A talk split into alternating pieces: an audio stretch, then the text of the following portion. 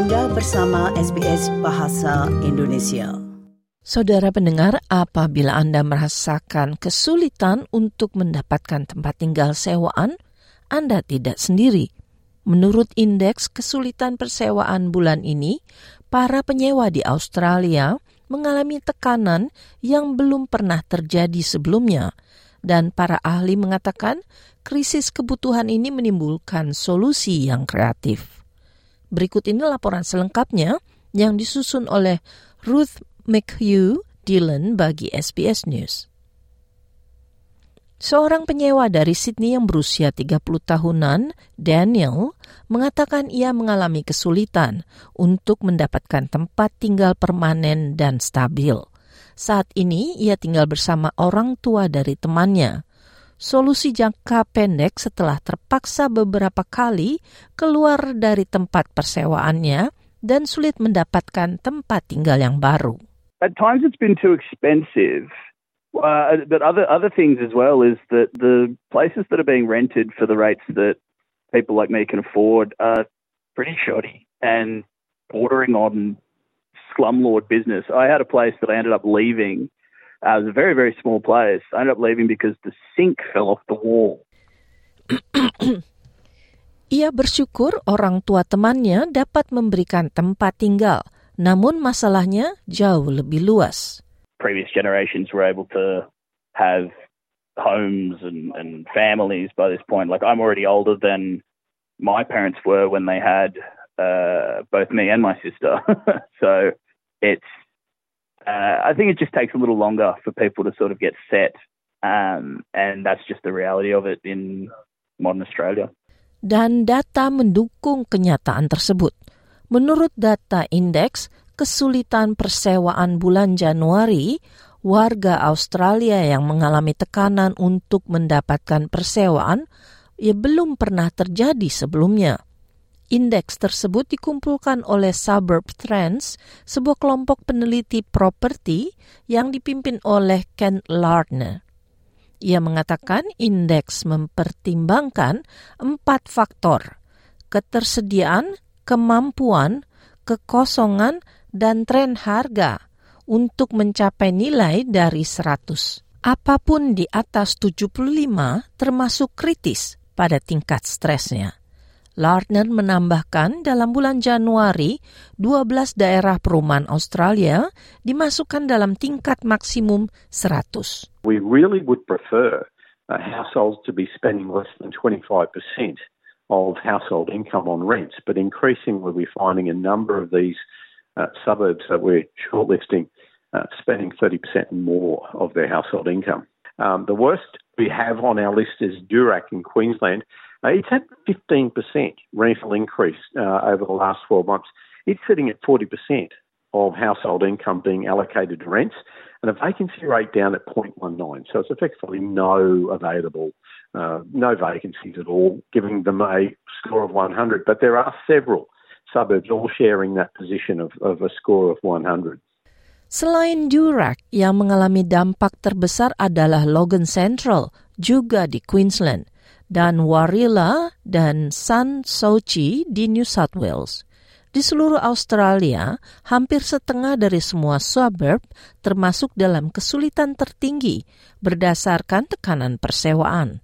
Namun, Queensland dan Australia Selatan mencatat tingkat ting stres paling tinggi secara keseluruhan dengan 58 persen suburb di kedua negara bagian tersebut mencapai skor di atas 75.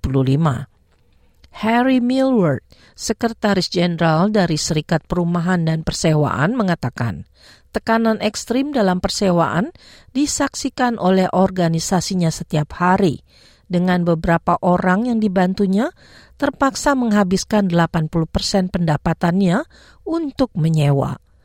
Millward mengatakan yang paling parah terkena dampaknya adalah para siswa, orang yang menerima bantuan pemerintah atau welfare, dan mereka yang hanya bekerja kasual atau pekerjaan yang genting. The poorest people, the people most in need, uh, living in houses that are falling apart, in slums, um, because they can't afford the risk of standing up for their rights.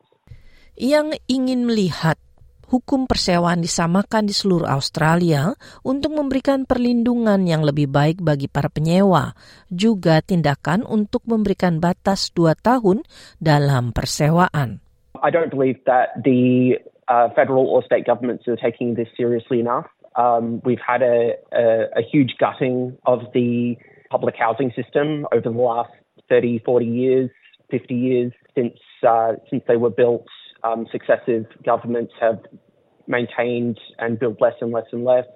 Uh, the private market is effectively a monopoly at this stage uh, with nothing to compete against, and they're never going to release stock at a speed that lowers the cost of renting. Greg Bader CEO of Rent.com.au, sebuah situs yang membantu orang untuk mencari persewaan dan properti yang aman, mengatakan ada banyak pendapat untuk solusinya, namun isu ini struktural.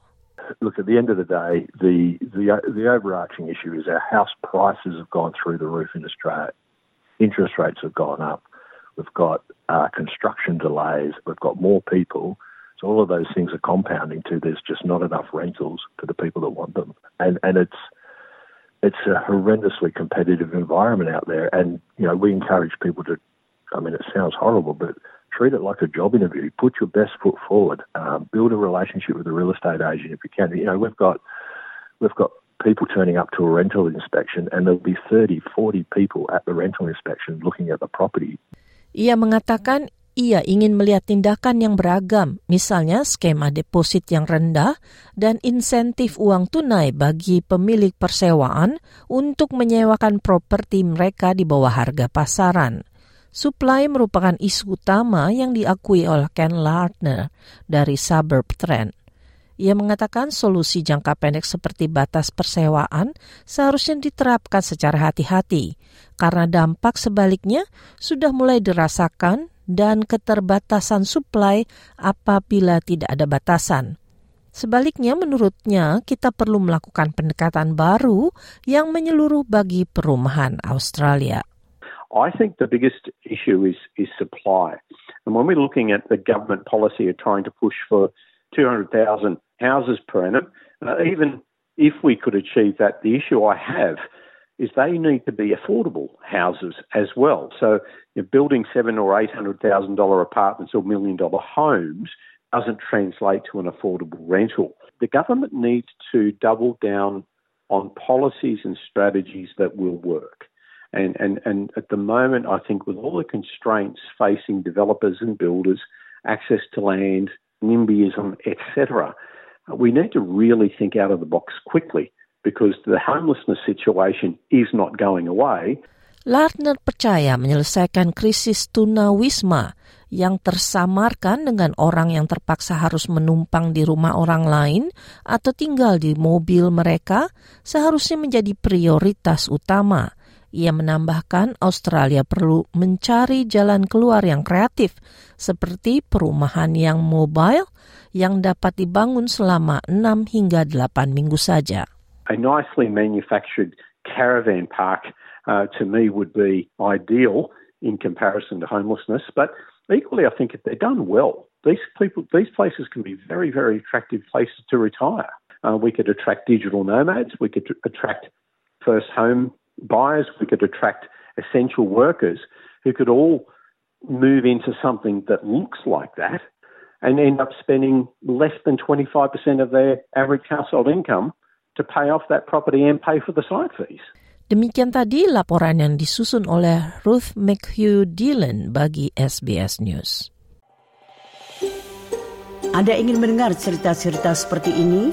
Dengarkan di Apple Podcast, Google Podcast, Spotify, atau di mana pun Anda mendapatkan podcast Anda.